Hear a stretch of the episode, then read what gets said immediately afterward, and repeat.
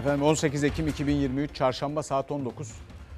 Fox Ana Haber'desiniz. Ben Selçuk Tepeli. Acı haber Irak'ın kuzeyinde yürütülen Pençe Kilit Harekat Bölgesi'nden geldi. Teröristlerle çıkan çatışmada yaralanan piyade sözleşmeli onbaşı. Alican Güneş kaldırıldığı hastanede şehit oldu. Şehidimize Allah'tan rahmet dileriz. Ailesine ve milletimize başsağlığı. Efendim Orta Doğu'da çatışmaların 12. günündeyiz Dün gece bir dönüm noktasıydı. Şimdi bakalım Gazze'de hastane katliamı.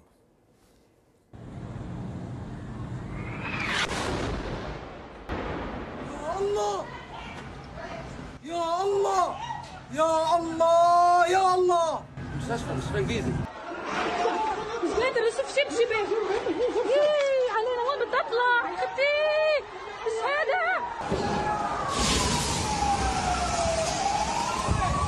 Now we are inside the hospital. Please pray for us. Please pray for us. Oh my God. Ya Allah, ya Allah, ya Allah. Everyone is dying. Herkes şehir düştü. Durumlar çok kötü. İnanılmaz. Kids.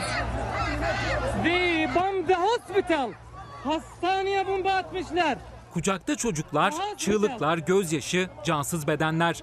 Gazze çatışmalar başladığından bu yana en büyük acıyı yaşadı. İsrail hastane bombaladı. Odalar, sedyeler zaten günlerdir yaralı doluydu. Hastane güvenli diye yüzlerce kişi de oraya sığınmıştı. Gazze Sağlık Bakanlığı El Ehli Hastanesi'nde 471 kişinin yaşamını yitirdiğini açıkladı.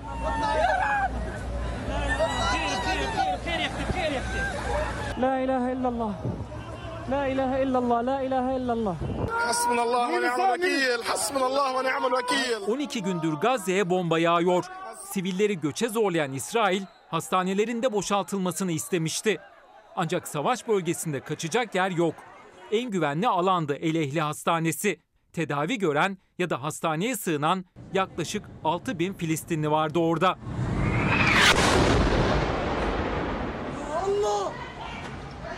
Ya Allah! Ya Allah! Ya Allah! مستشفى مستشفى انجليزي حسبنا الله ونعم الوكيل مش قادر اشوف شبشبه يي علينا وين بدي اطلع اختي مش قادر İşte hastanenin vurulduğu o an gecenin karanlığını alevler aydınlattı. Sonrası insanlığın gördüğü en acı anlardı. Yüzlerce cansız beden, yüzüne kan sıçramış çocuklar ve birbirine karışan çığlıklar.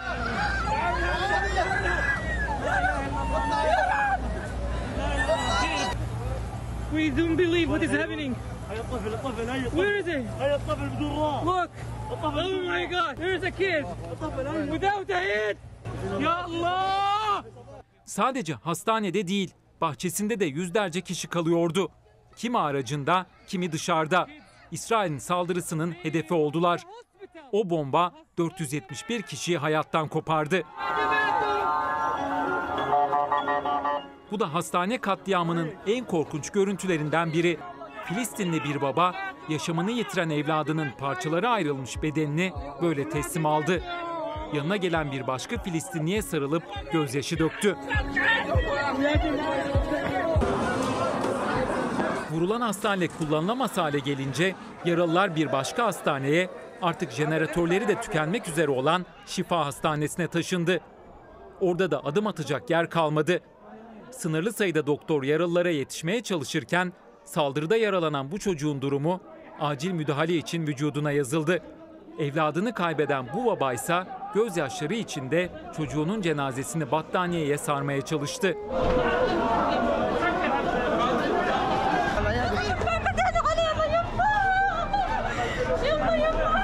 İsrail'in kan donduran bu hastane katliamının ardından Filistin Devlet Başkanı Mahmut Abbas 3 günlük yas ilan etti.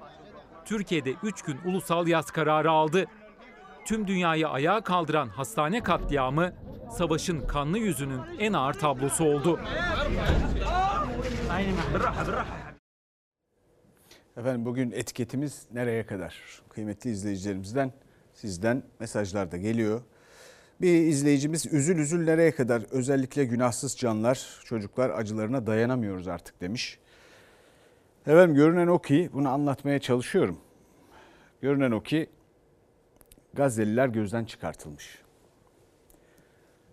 Buna nasıl engel olacak? Bununla ilgili anlatmaya çalıştığım şeyleri tekrar özetleyeceğim. Belki bir şeyler katarım üstüne. Global, global sistemik risklerden bahsetmiştim. Bunlardan en önemlisi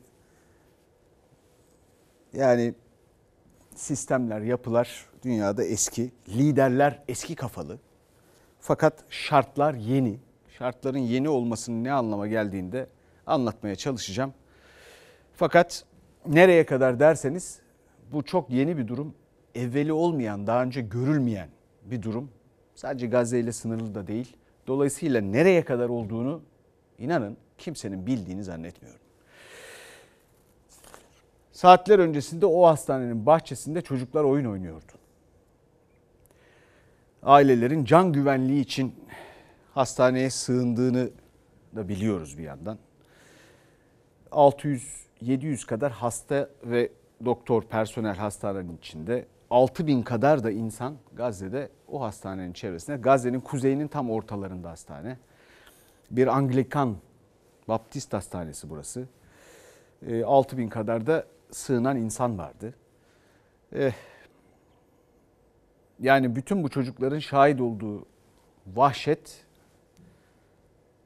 tarifi mümkün değil. Anlaşılması, paylaşılması mümkün değil. Şimdi izleyeceksiniz.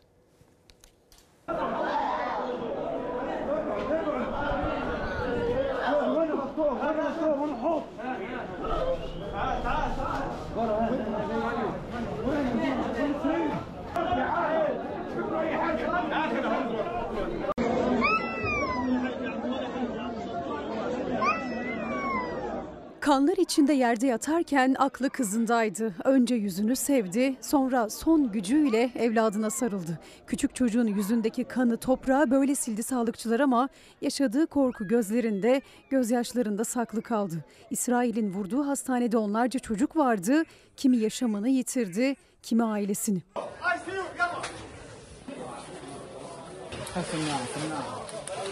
Kucaklarda hızla hastaneye taşınan bebekler, çocuklar 20 saat önce sığındıkları hastane bahçesinde savaşı unutmaya çalışıyorlardı oyunlar oynayarak. Biraz olsun yüzleri gülmüştü.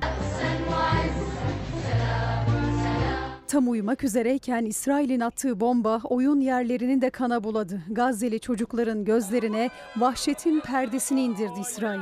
Saldırıya uykusunda yakalanan küçük bir çocuk gözlerini bir açtı, bir daha da kapatamadı.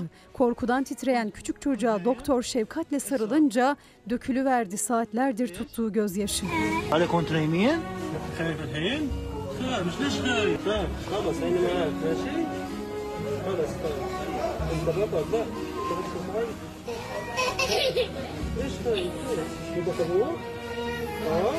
İsrail'in Gazze'de hedef aldığı hastanenin bahçesi aslında sığınaktı. Can güvenliğini sağlamak için aileler çocuklarıyla hastanede yaşıyordu.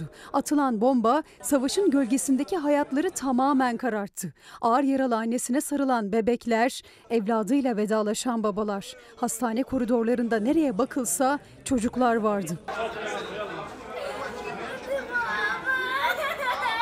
خلينا نشوف بيعملوا فاست يلا يلا يلا يلا يلا Yataklar zaten doluydu. Yerde bekledi çocuklar. Annesiz ve babasız ağlayabilen ağladı ama çoğu çocuk tepki bile veremedi. Yüzüne isabet eden parçaların kesikleriyle bir kız çocuğu sedyede değil hastane bankosunda tedavi edilmeye çalışıldı. Öksürdükçe canı yandı. Tüm bu görüntüler nefes almaya utandırdı. Savaşın büyüttüğü bir çocuk ağır yaralı kardeşinin son anlarında yanındaydı.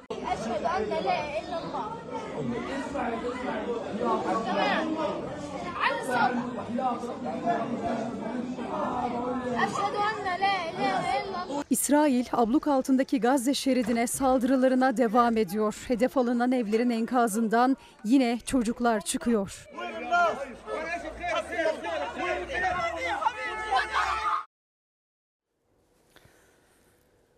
Bu bir insanlık suçu. Ve bunu engelleyebilecek, soruşturabilecek ve yargılayabilecek bir kurum dünyada yok gibi görünüyor. Efendim bu bahsettiğim küresel riskler konusunda bahsettiğim bütün o eski bültenlerde bahsettiğim risklerden bir tanesiyle karşı karşıyayız işte şimdi. Biz daha evvel sosyal çevre olarak neleri bilirdik işte aile, köy, şehir, ülke bir de bölge belki. Sosyal bilimlerin şimdi anlaması gereken, politikanın anlaması gereken, dünyanın anlaması gereken bütün dünyada herkesin şu ya da bu biçimde her türlü olayla birbirine bir şekilde bağlandığıdır. Herkesi etkiler ve etkileyecek. Ve bu şu demek. En çaresiz durumdaki en alttaki yani gelir durumu olarak, yaşam şartları olarak insanlar bile dünyanın her yerinde herkesi etkileyebilecek kesintilere veya sıkıntılara yol açabilirler. Bunun başka yolu yoktur. Bu, bugünkü dünyada. Kocaman bir dünya, öyle bir finans durumu, herkesi birbirine bağlayan enformasyon ağları fakat son derece tehlikeli bir biçimde herkesin kendi bilgi evreni içinde yaşaması yani herkesin inanmak istediğine inanması ve aynı zamanda da bunun manipülasyona son derece açık olması durumu. Bütün bunları algılayabilen siyasi lider ya da yapı şu anda dünyada yok. Maalesef öyle bir mesele var. Ve bunun nereye varacağını, nereye kadar dedik hepimiz göreceğiz. Hepimiz göreceğiz ama dikkatle izlememiz lazım. Şimdi bu arada İsrail e, Gazze'nin güneyine Mısır'dan insani yardım koridoru açılmasını, yardımın gelmesini e, onayladığını, buna izin verdiğini açıklamış. Göreceğiz bakalım ne işe yarayacak. Bu katliamın yaşandığı hastanede gerçekten feci bir tablo içinde acının merkezinden dünyaya bir çağrı yapıldı. Şimdi onu izleyelim.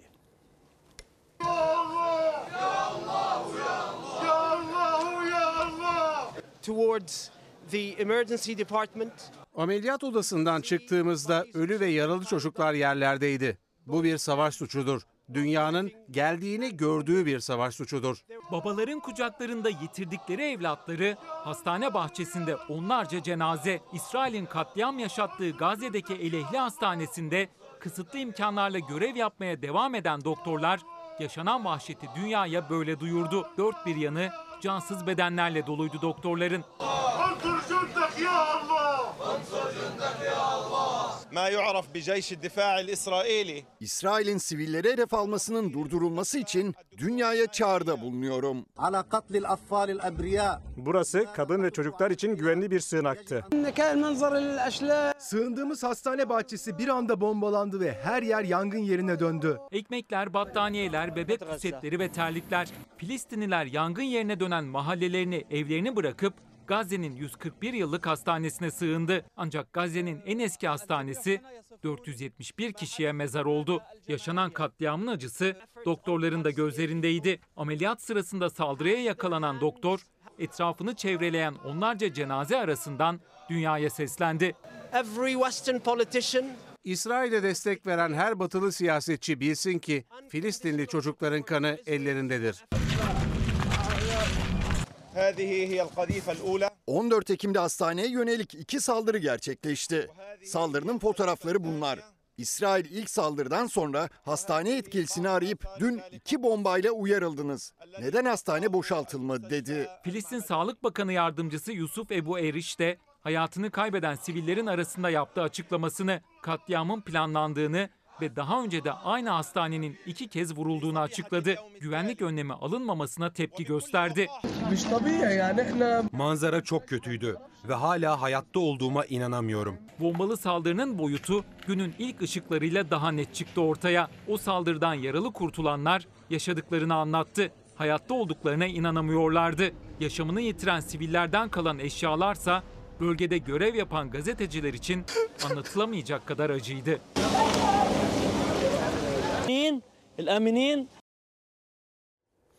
Efendim bir kıymetli izleyicimiz Gazze'de hastaneler de güvenli değil. Birleşmiş Milletler ve Dünya Sağlık Örgütü harekete geçerek Gazze'ye derhal hastane gemileri yollamalı demiş. Çok doğru. Hiç vakit kaybetmeden yapılmalı. Öte yandan peki Birleşmiş Milletler işe yarıyor mu? Ne kadar yarıyor? 1923 yılında Türkiye Cumhuriyeti'nin kurulduğu yıl.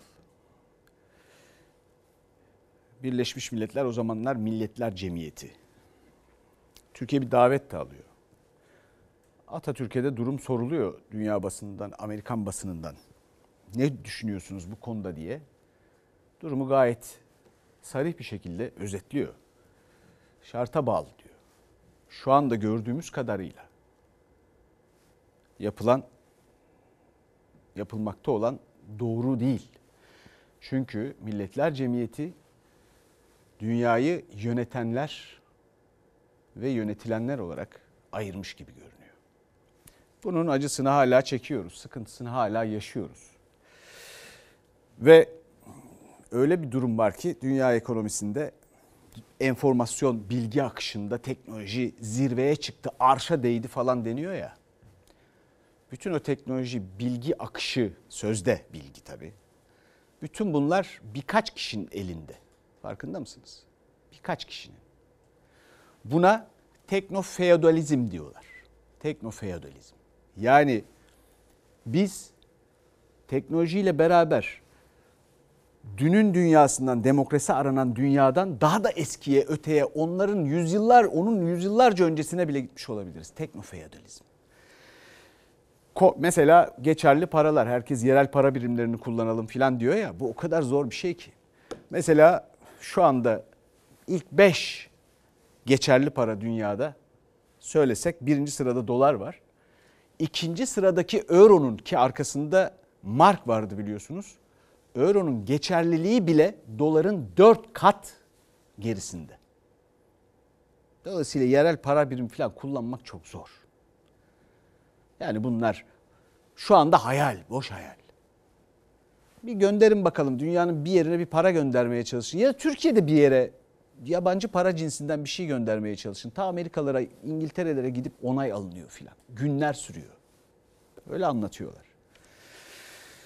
Efendim tepkilerin hedefindeki İsrail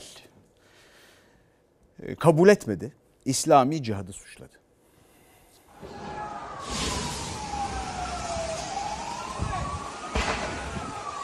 İsrail hastane katliamını yalanlamak için anında düğmeye bastı. Sosyal medyada eski görüntüleri paylaştı.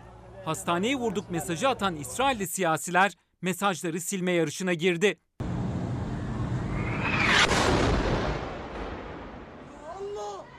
Gazze'de vurulan hastane dünyayı ayağa kaldırdı. İsrail yanlısı Batı ülkelerinden de tepki sesleri gelince İsrail yönetimi harekete geçti. Hastaneye saldıranın Filistinli gruplar olduğu iddiasına sarıldı. İsrail hükümetinin sosyal medya hesapları önce birkaç yıl öncesine ait bir görüntüyü yaydı. Görüntünün eski olduğu ortaya çıkınca bu kez Dışişleri Bakanlığı'na bağlı dijital medya ekibi devreye girdi. Yayınladıkları güvenlik kamerası görüntüsüyle Hamas'a adres gösterdi. Sonra o görüntüleri silmek zorunda kaldı. Aynı saatlerde Başbakan Netanyahu'nun dijital medya ekibinden Naftali, İsrail'in Gazze'de hastane vurduğunu duyurdu.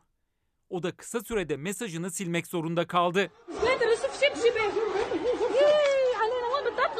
İsrail Ulusal Güvenlik Bakanı Ben Gvir de yüzlerce kişinin hayatını kaybettiği katliamın ardından tepki çeken bir paylaşımda bulundu. Aşırı sağcı bakan, Gazze'ye insani yardım değil, patlayıcı girecek diye yazdı. İsrail ordu sözcüsü sabah kameraların karşısına geçti. Elde ettikleri verileri paylaştı. İsrail güçlerinin hastaneye karadan, denizden veya havadan ateş açmadığını iddia etti. Biz sorumlu olsaydık alanda bir krater ya da yapısal hasar olurdu dedi. Bomb the hospital. Hastaneye bomba atmışlar. İsrailli sözcü ellerinde Filistinli grupların başarısız roket atışı ile ilgili istihbarat olduğunu öne sürdü. İslami cihadı suçladı.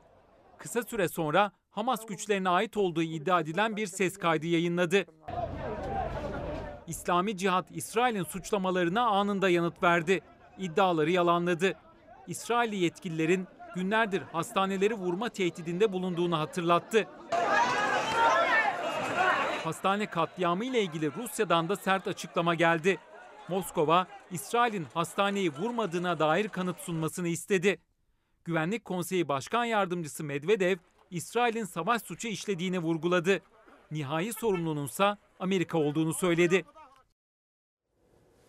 Evet biliyorum hiç sırası değil ama fikir verecek bir fıkra anlatmak istiyorum.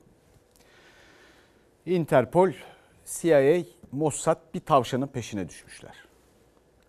Bir ormanın kenarına gelmişler. Interpol girmiş tavşanı bulamamış ormanda ararken. CIA ormanı kül etmiş onlar da bulamamış. Mossad demiş ki bize yarım saat verin. Yarım saat sonra Mossad gözü mor, kolu kırık, bacağı kırık bir ayıyla çıka gelmiş. Ayı bağırıyormuş. Tamam ben o tavşanım diye. Bugüne kadar o kadar yalan söylediler ki şimdi bu söylediklerine kimse inanamıyor tabii. Ve daha önce de söylediğim gibi yıllardan beri İsrail'de ki İsrail herkesin kadın erkek 3 yıl askerlik yaptıktan sonra her yılda bir ay tekrar hatırlama askerliği yaptığı bir ülkedir. Son 30 yılda da kökten dinci, kipalı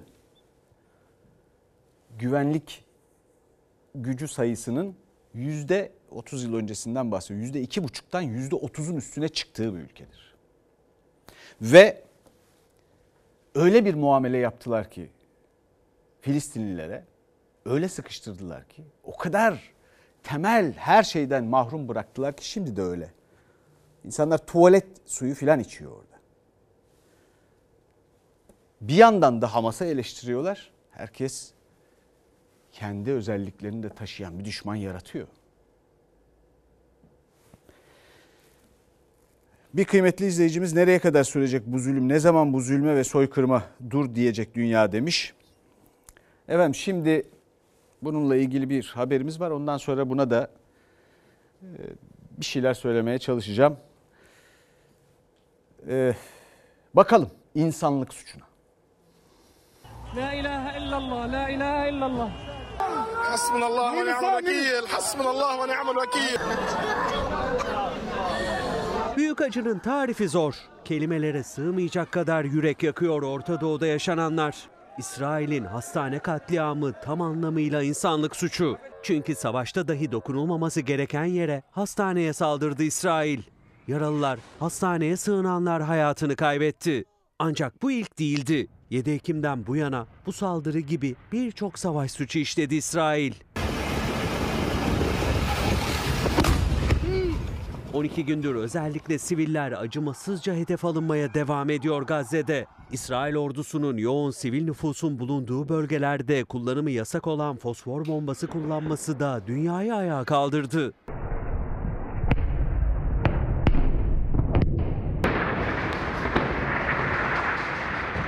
İsrail yasakları delmekten de, savaş suçu işlemekten de geri durmuyor. İçinde birçok öğrencinin olduğu okullar da bombalanmaya devam ediyor.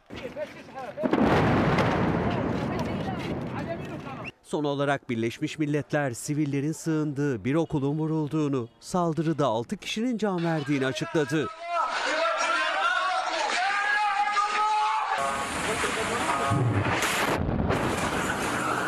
Gazze şeridine yapılan saldırılarda enkazdaki yaralıları kurtarmaya çalışan sivil savunma ekipleri de füzeli saldırının hedefi oldu.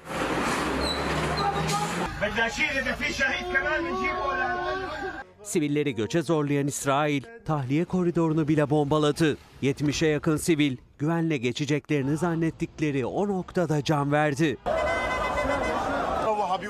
Evlerinizi terk edin dediler. İnsanları kamyonlarda, kamyonetlerde bombaladılar. Her şeyi bombaladılar. Üzerine bombalar yağan, Gazze şeridinde sıkışıp kalan siviller için gıda sıkıntısı da her geçen gün artıyor.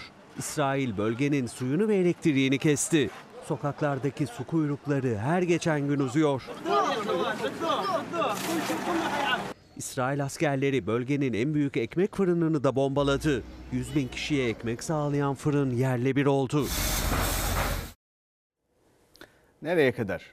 Bunun önünde durmak için bir defa dünya kamuoyuna hitap edebilmek lazım. Kamuoyu etkili artık dünyada. Hitap edebilmek için bir kredinizin olması lazım. Yani sözünüzün gücü olacak. Sözünüzün gücü olması için de buna göre davranmış olmalısınız. Mesela Türkiye açısından da durum böyle. Dünya çok sarsıntılı, çok fırtınalı bir döneme giriyor. Hatta insanlık belki de böyle bir dönemde ilk kez karşılaşıyor dedim. Böyle şartlarla. Bundan sonra neler göreceğiz? Buna biraz daha hazırlıklı olan var, hiç hazırlıklı olmayan var. Maalesef bizim ülkemiz hükümetimizin performansı sebebiyle en hazırlıksız ülkelerden biri. Hem savunma harcamaları konusunda son 20 yılın en düşüğü dibinde ki dünyada insanlık tarihinin rekoru kırıldı geçen sene savunma harcamalarında. Hem içerideki ekonomik sıkıntılarla ilgili olarak insanların refahı, işte ne bileyim alım gücü, içerideki birlik, beraberlik, kader ortaklığımız. Hepimiz bu işin içinde birlikteyiz yani. Bunun hissedilmesi, küçük siyasi hesaplar olmaması, sözümüzün bir olması filan bu konularda maalesef en zayıf durumda yakalandık. Şimdi dolayısıyla sözün gücü önemlidir, kamuoyu baskısı önemlidir. Onlara hitap edip onları yönlendirebilmek de önemlidir. Bizim hükümet kanadından yapılan açıklamalarda Türkiye'nin sözüne güvenilir bir ülke olduğundan bahsediliyor. Doğru bile olsa maalesef bu iktidar döneminin buna bir katkısı yoktur. Efendim sözüne yine güvenilmeyecek şimdi bir başka isme geçiyoruz. Dünyada liderler, siyasiler arasından Biden. Amerika Birleşik Devletleri Başkanı daha ilk günlerde efendim bir takım e, fake fotoğraflar üzerinden Hamas'ın yaptıklarına dair bir takım açıklamalar yaptı. Sonra bu İsrail tarafından yalanlandı hatta. İsrail'e gitti Biden ve İsrail'e tam destek verdi. İsrail'e tek bir mesajla geldim. Yalnız değilsiniz. Yalnız değilsiniz. Yalnız kalmanıza izin vermeyeceğiz. Amerika Başkanı Biden katliama rağmen ziyaretini iptal etmedi. İsrail'e desteğe gitti. Netanyahu ile kucaklaştı. İki lider el ele verip insanlık suçuna ortak oldu. Biden katliamı patlama diye ifade etti. Hamas'ı işaret ederek diğer taraf yaptı dedi. Dünya Gazze'deki Elehli Hastanesi katliamı sonrası İsrail'e karşı ayakta. Tepki büyük. İsrail'in en büyük destekçisi Amerika ilk günden bu yana Tel Aviv yönetiminin yanında. Hamas'ın saldırılarının ardından bir Yahudi olarak buradayım diyen Dışişleri Bakanı Blinken, İsrail'i 10 günde iki kez ziyaret etti. Washington, İsrail ordusuna aralarında bomba ve füzelerin de olduğu askeri yardım gönderdi.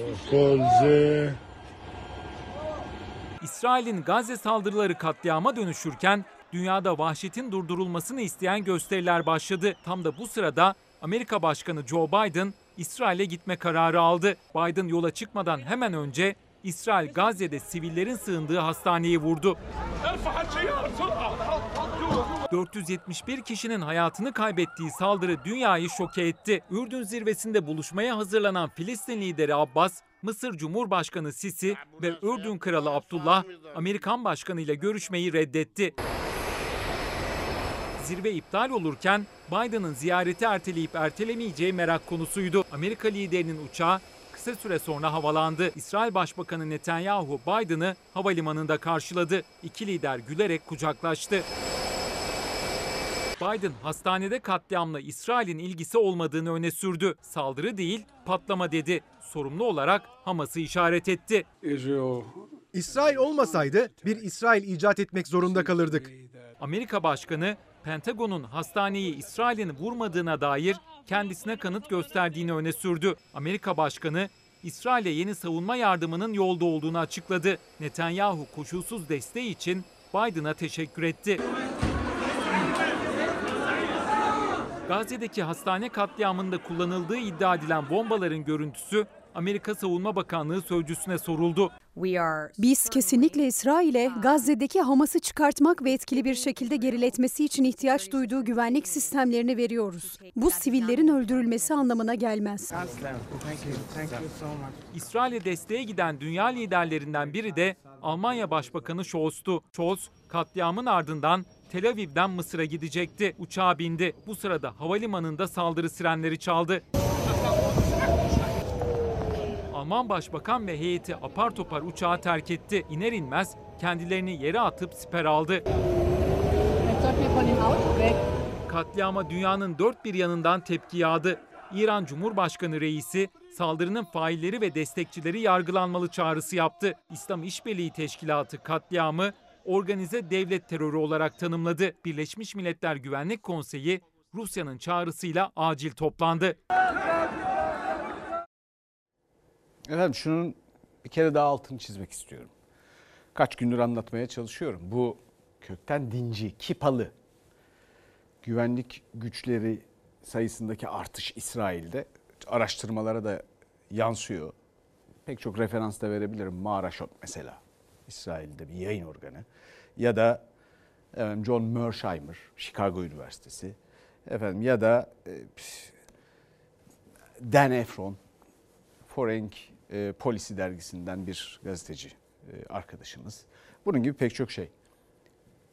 Bütün buradaki insanların eziyet çekmesine, dayılmaz eziyetler çekmesine, masum insanların, çocukların neden olan süreçte her iki tarafta da göze çarpan laikliğin gerilemesi, bilhassa güvenlik güçlerinde, istihbarat örgütlerinin laikliğin gerilemesi ve kipalı kökten dinci insanların onları görev almaya başlaması onların yerine. Bunun altını özellikle çizmek istedim. İsterseniz pek çok referans da verebilirim ama başınızı ağrıtmak istemiyorum. Şimdi bakalım katliam protestolarına.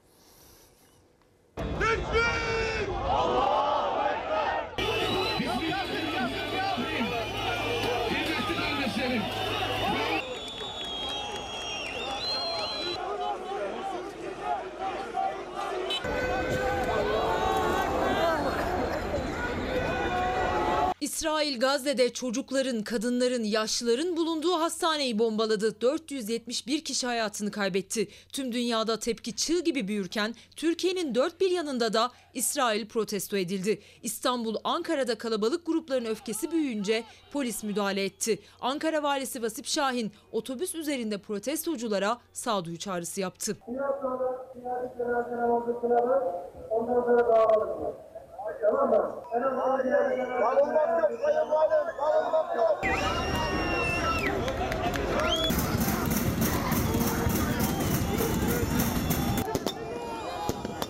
Ankara'da İsrail Büyükelçiliği konutu önünde İstanbul'da da İsrail Başkonsolosluğu'nda toplanan kalabalık grup binalara girmek istedi. Polis müdahale etti.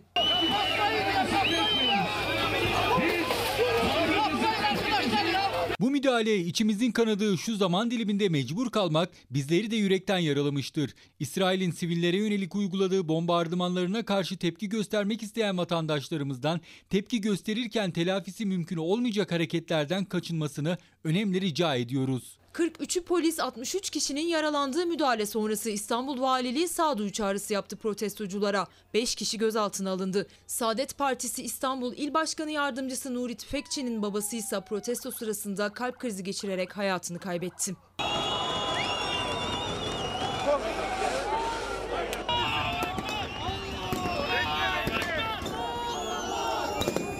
Yeni günde polis İsrail'in İstanbul Başkonsolosluğu önünde barikat kurdu.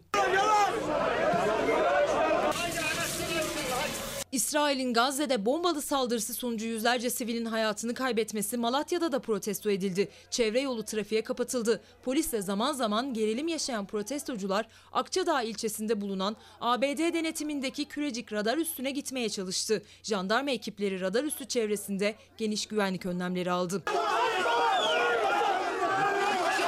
Gazze'de vurulan hastanede hayatını kaybeden yüzlerce sivil için Türkiye'nin dört bir yanında gıyabi cenaze namazı da kılındı.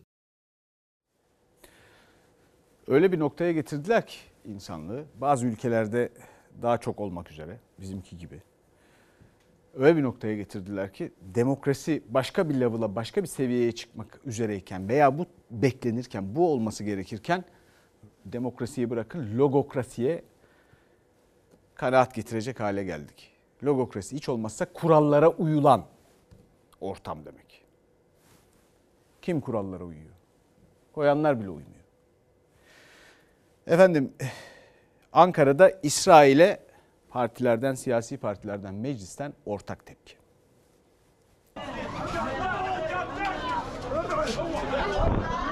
İnsanlığa karşı suç teşkil eden ve Gazze halkına yönelik soykırım derecesine varan bu saldırının faillerini lanetliyorum. Yüreklerimizi dağlayan dünkü katliamdan failler kadar 7 Ekim'den bu yana yaptıkları açıklamalarla ateşe benzin dökenler de sorumludur. Katil Netanyahu için söylenecek hiçbir söz kalmamıştır. O 21. yüzyılın yeni Hitler'idir. Derhal yargılanmalıdır. Lafı eğip bükmeye hiç gerek yok. İsrail insanlığa karşı suç işlemiştir. Bunun adı cinayettir, katliamdır. Lanetliyorum. İsrail'in Gazze'de sivillerin sığındığı, yaralıların tedavi gördüğü hastaneye vurması sonrası Ankara'nın tepkisi. İktidar muhalefet tek ses. Türkiye 3 günlük milli yaz kararı aldı. Cumhurbaşkanı Erdoğan hastane saldırısı için soykırım derecesine varan ifadesini kullandı. Muhalefetten de soykırım tepkisi yükseldi. İsrail'in gaddarlığı terörizme dönüşmüştür. Dün gece yaşananlar 1938 yılı Almanya'sında yaşayan Yahudilerin bir soğuk Kasım akşamı yaşadıklarının günümüzdeki göstergesidir. hedefleyerek, bilerek sivilleri, hastaneleri, okulları vurmak, bombalamak bir savaş suçudur, bir insanlık suçudur. Vahşet her gün yeni bir boyut kazanmaktadır. Sivil halk katliam ablukasına alınmıştır. Bu soykırım suçudur. Sayın Erdoğan'a sesleniyorum. Derhal ulusal yas ilan edin. İsrail Büyükelçisi derhal Türkiye'den gönderilmelidir. İsrail ile normalleşme süreçleri derhal durdurulsun. Davutoğlu'nun İsrail'e karşı yaptırım çağrıları Türkiye Büyük Millet Meclisi'nde 6 partinin imzasıyla ortak bildiri yayınlandı. İsrail'in Gazze halkına karşı uluslararası hukuka ve uluslararası insancıl hukuka aykırı saldırılarını en şiddetli biçimde kınıyoruz. Biz yüz binleri topladık, haykırdık, lanetledik yapılan bu yanlış işleri ama buna iktidar bunun çok ötesinde adımlar atmaya mecbur. Tepki ortak ama muhalefet iktidardan İsrail'e karşı daha somut adımlar istiyor.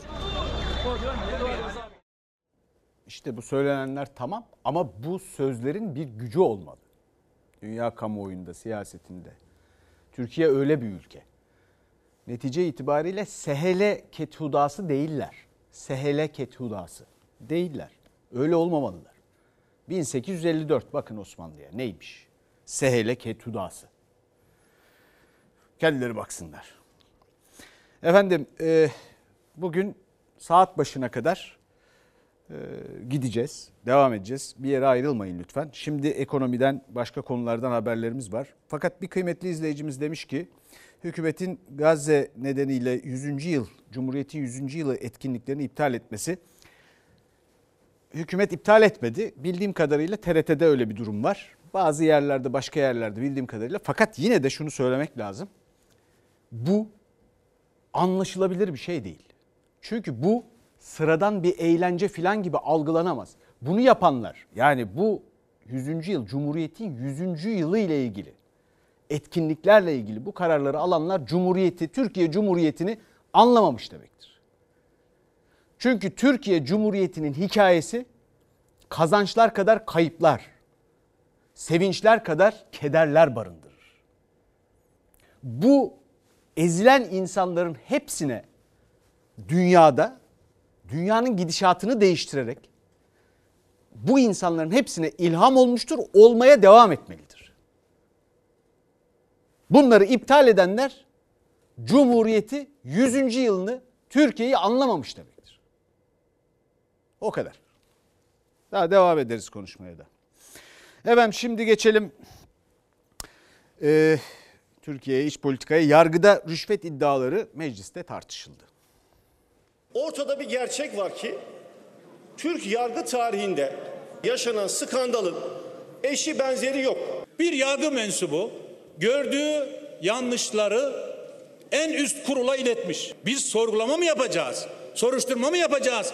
Ceza yargılaması mı yapacağız? Hakimlerin ve savcıların soruşturulması özel usule tabidir. Adalet Bakanlığı soruşturma açmış.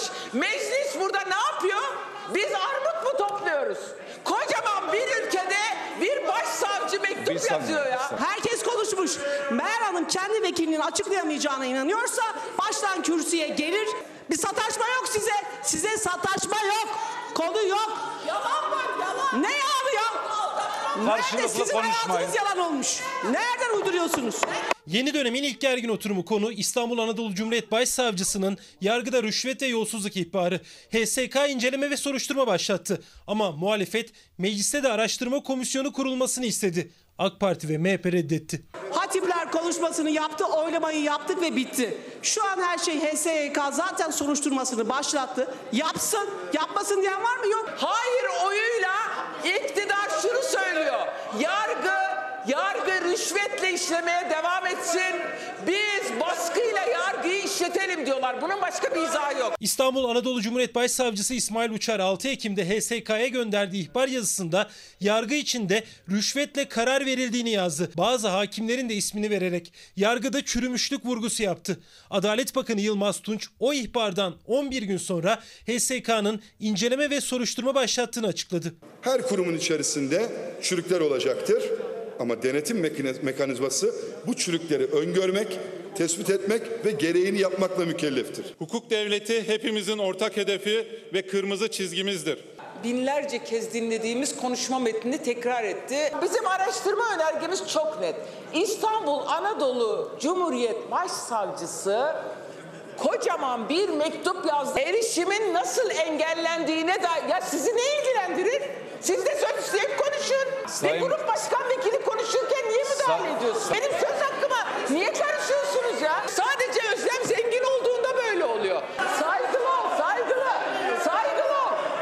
Haddini bil. Sen otur be kimsin sen? Kimsin? Oradan had bildirmeye çalışıyor.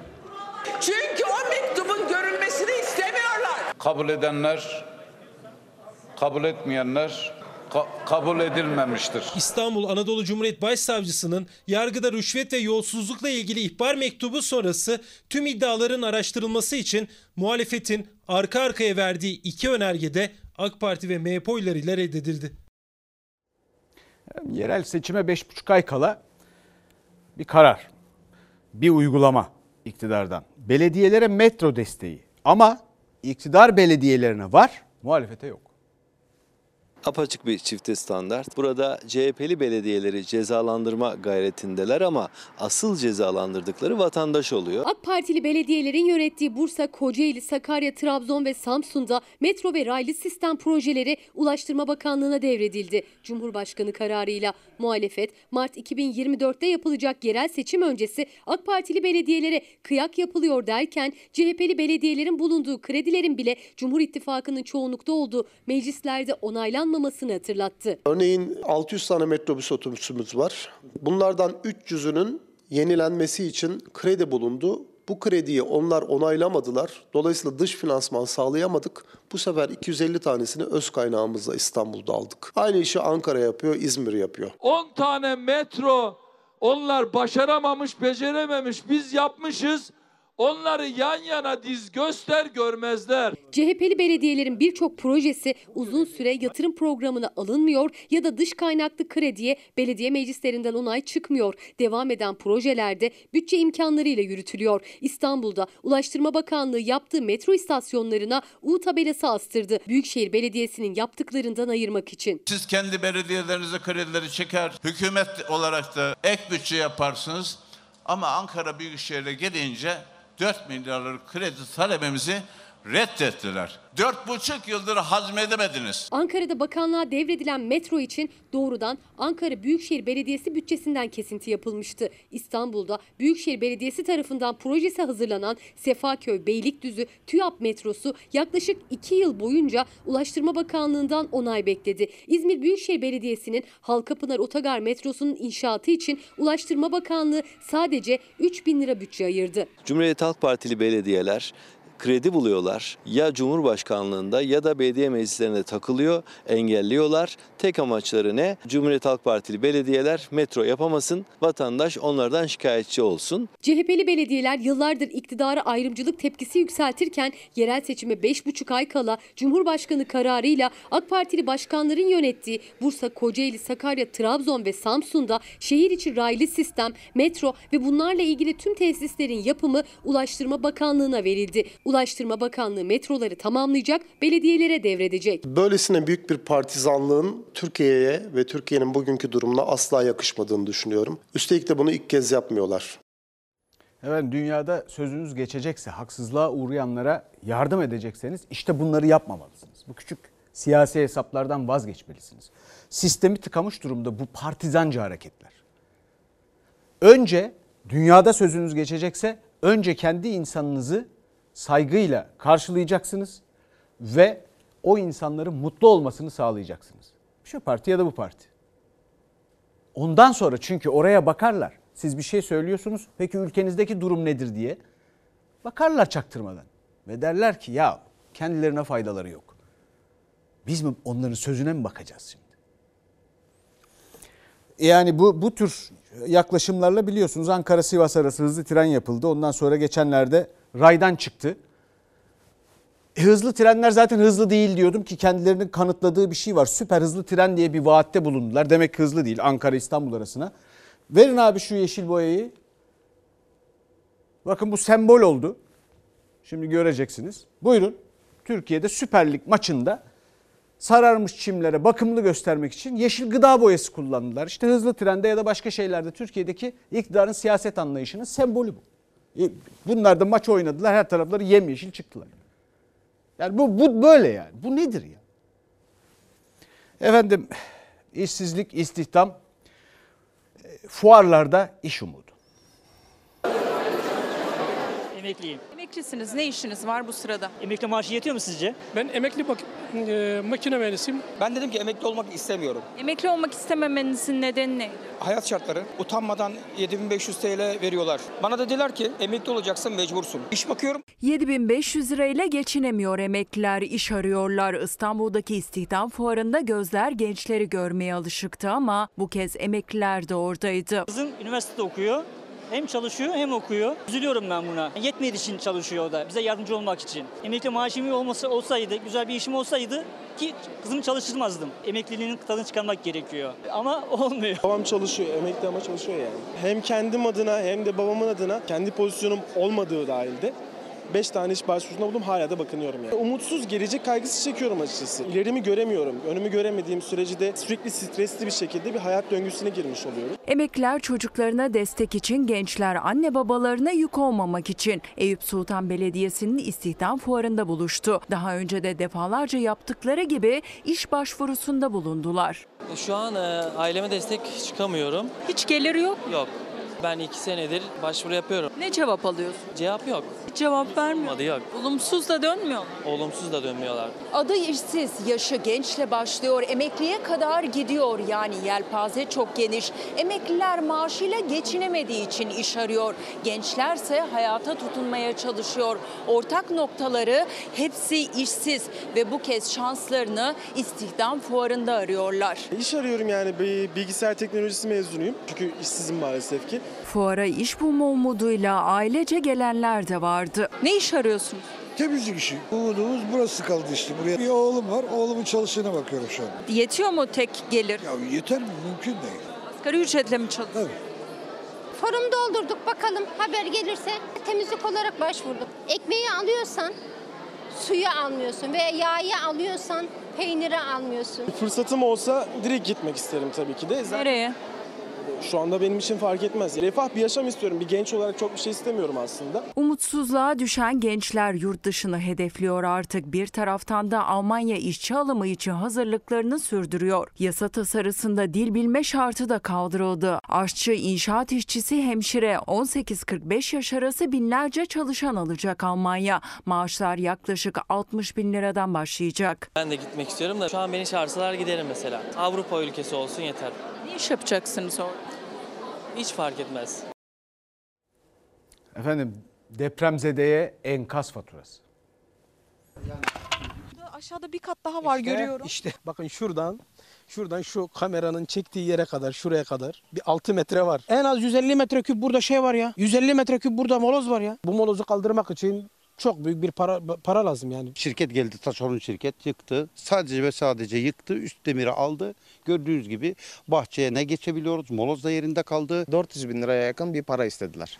Ama hani 400 bin liraya biz zaten yeniden inşaat yapabiliriz. Depremzedeye bu kez de enkaz faturası çıktı. Ağır hasarlı binalar yerinde dönüşüm için yıkıldı ama yıkım şirketleri molozu kaldırmak için yüz binlerce lira istiyor. Biz zaten varımızı yokumuzu kaybettik. Zaten mağduruz. Bakın çadırda da kalıyoruz. Hiçbir gelirimiz yok. Nereden vereceğiz? 4 dairemiz ve 800 metre kapalı alanımız mevcut. Depremden sonra yıkım şirketleri geldi buraya. Yani bizim kaldırmamıza izin vermediler. Kendileri kaldıracaklarını söylediler. Bu şekilde bıraktılar. Burada bakın zaten bir kat görüyorsunuz. Burası Hatay'ın Defne ilçesine bağlı Çardaklı Mahallesi. 6 Şubat depremlerinde ağır hasar alan bu binanın yıkımı gerçekleştirildi ancak yıkımı yapan firma işini tamamlamadı ve molozları bu halde bıraktı. Şimdi ev sahibi depremzedelerden bu molozların taşınabilmesi için en az 400 bin lira bedel isteniyor. Şu an nerede yaşıyorsunuz? Konteynerde. Zaten yağmur yağdığı zaman da su geçiriyor. Elektriğimiz patlıyor vesaire. Yani bir an önce buradan kurtulmak için biz aslında uğraşıyoruz. Kışta geliyor önümüzde. Çoluk çocuk dışarıda kalacağız. 5 kişilik ailem ben dışarıda kalacağım. Aynı firmanın yıkım gerçekleştirdiği ağır hasarlı bir başka bina. Bu binanın da molozları olduğu yerde duruyor hala. Okçu ailesi prefabriklerine yerleşip artık yaşamak istiyorlar. Ancak bu molozlar burada hala durduğu için prefabriğe yerleşemiyorlar. 8 aydır çadırda ya da konteynerde kalıyor depremzedeler. Yıkılan evlerinin yerine yenisini yapmak istediklerinde de bir de moloz engeliyle karşı karşıya kaldılar. Yıkım şirketlerinin çıkarttığı 400 bin liralık enkaz faturasını ödemeleri mümkün değil. O parayı denkleştirseler yeni yapacakları evlerine bütçe kalmayacak. Üstelik muhatap da bulamıyorlar. Çevre ve Şehircilik Bakanlığı'na gittim. Bizden alındı dediler. Kaymakamlıkla valilik bakıyor dediler. Valiliğe gittim işleme alacağız dediler. Ama gene işlemede alınmadı. Bu şekilde belediyeye geldik dedi ki biz bunu bizim bunu kaldırmamız e, yasak. Hani biz buna dokunamayız dediler. İşte bir başka bina. Binanın yıkımı gerçekleşti ancak molozları kaldırılmadı. Hemen binanın yan tarafına bu bahçeye atıldı. Şimdi moloz yığınları aylardır burada duruyor. Binanın arka tarafına attılar. Bu molozu kaldırmadan ben burada yerinde dönüşüm yapamayacağım. Depremzedeler aylardır çözüm bekliyor. İsteğimiz işte bu molotlar çekilsin, elektriğimiz suyumuz gelsin, bu konteyneri yerleştirelim oturalım. Yani kış geliyor. Efendim şimdi bir iklim değişikliği ya da iklimle ilgili meselelerle ilgili bir haberimiz var. Ondan sonra da İstanbul'da güpegündüz nasıl silahla, otomatik silahla restoran taradılar. O var. Onun görüntüleri var. Evvela yani devam ediyoruz haberlere. Evvela Nazlı Yere Basmaz'la benim hikayemde bakalım nasıl göller yöresi de kurumuş. 50'den fazla doğal göle sahip olan, irili ufaklı doğal göle sahip olan göller yöresinde göl sayısı 20'nin altına düşmüş bir vaziyette. Tarımdaki vahşi sulama, madencilikteki kontrolsüz su kullanımı, barajlarla suyun can damarının kesilmesi, yağışların azalması, buharlaşma.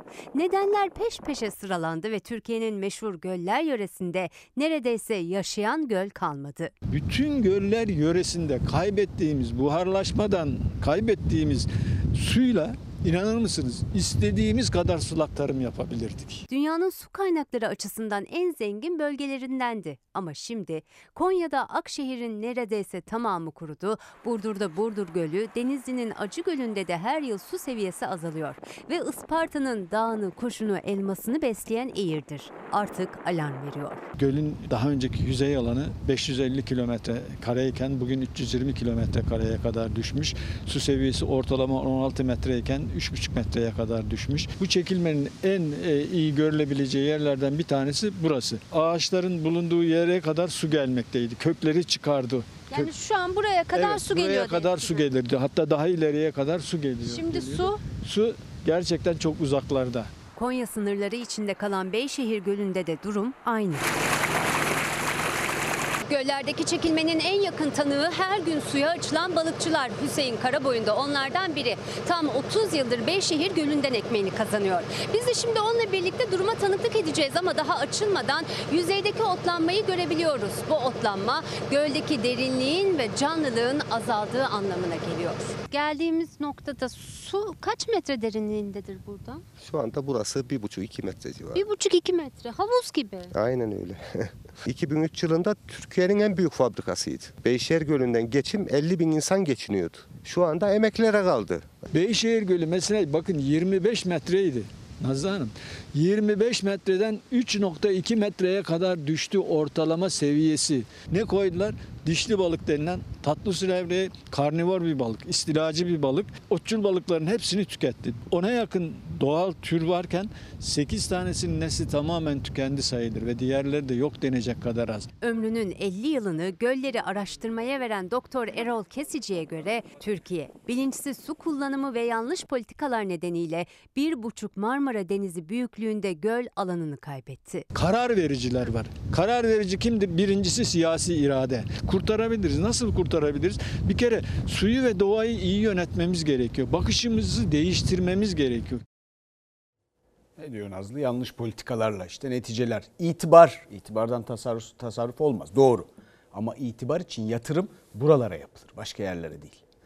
Sözünüzün gücü için. Efendim şimdi İstanbul'da güpegündüz uzun namlulu silahlarla nasıl restoran taradıklarına bakalım.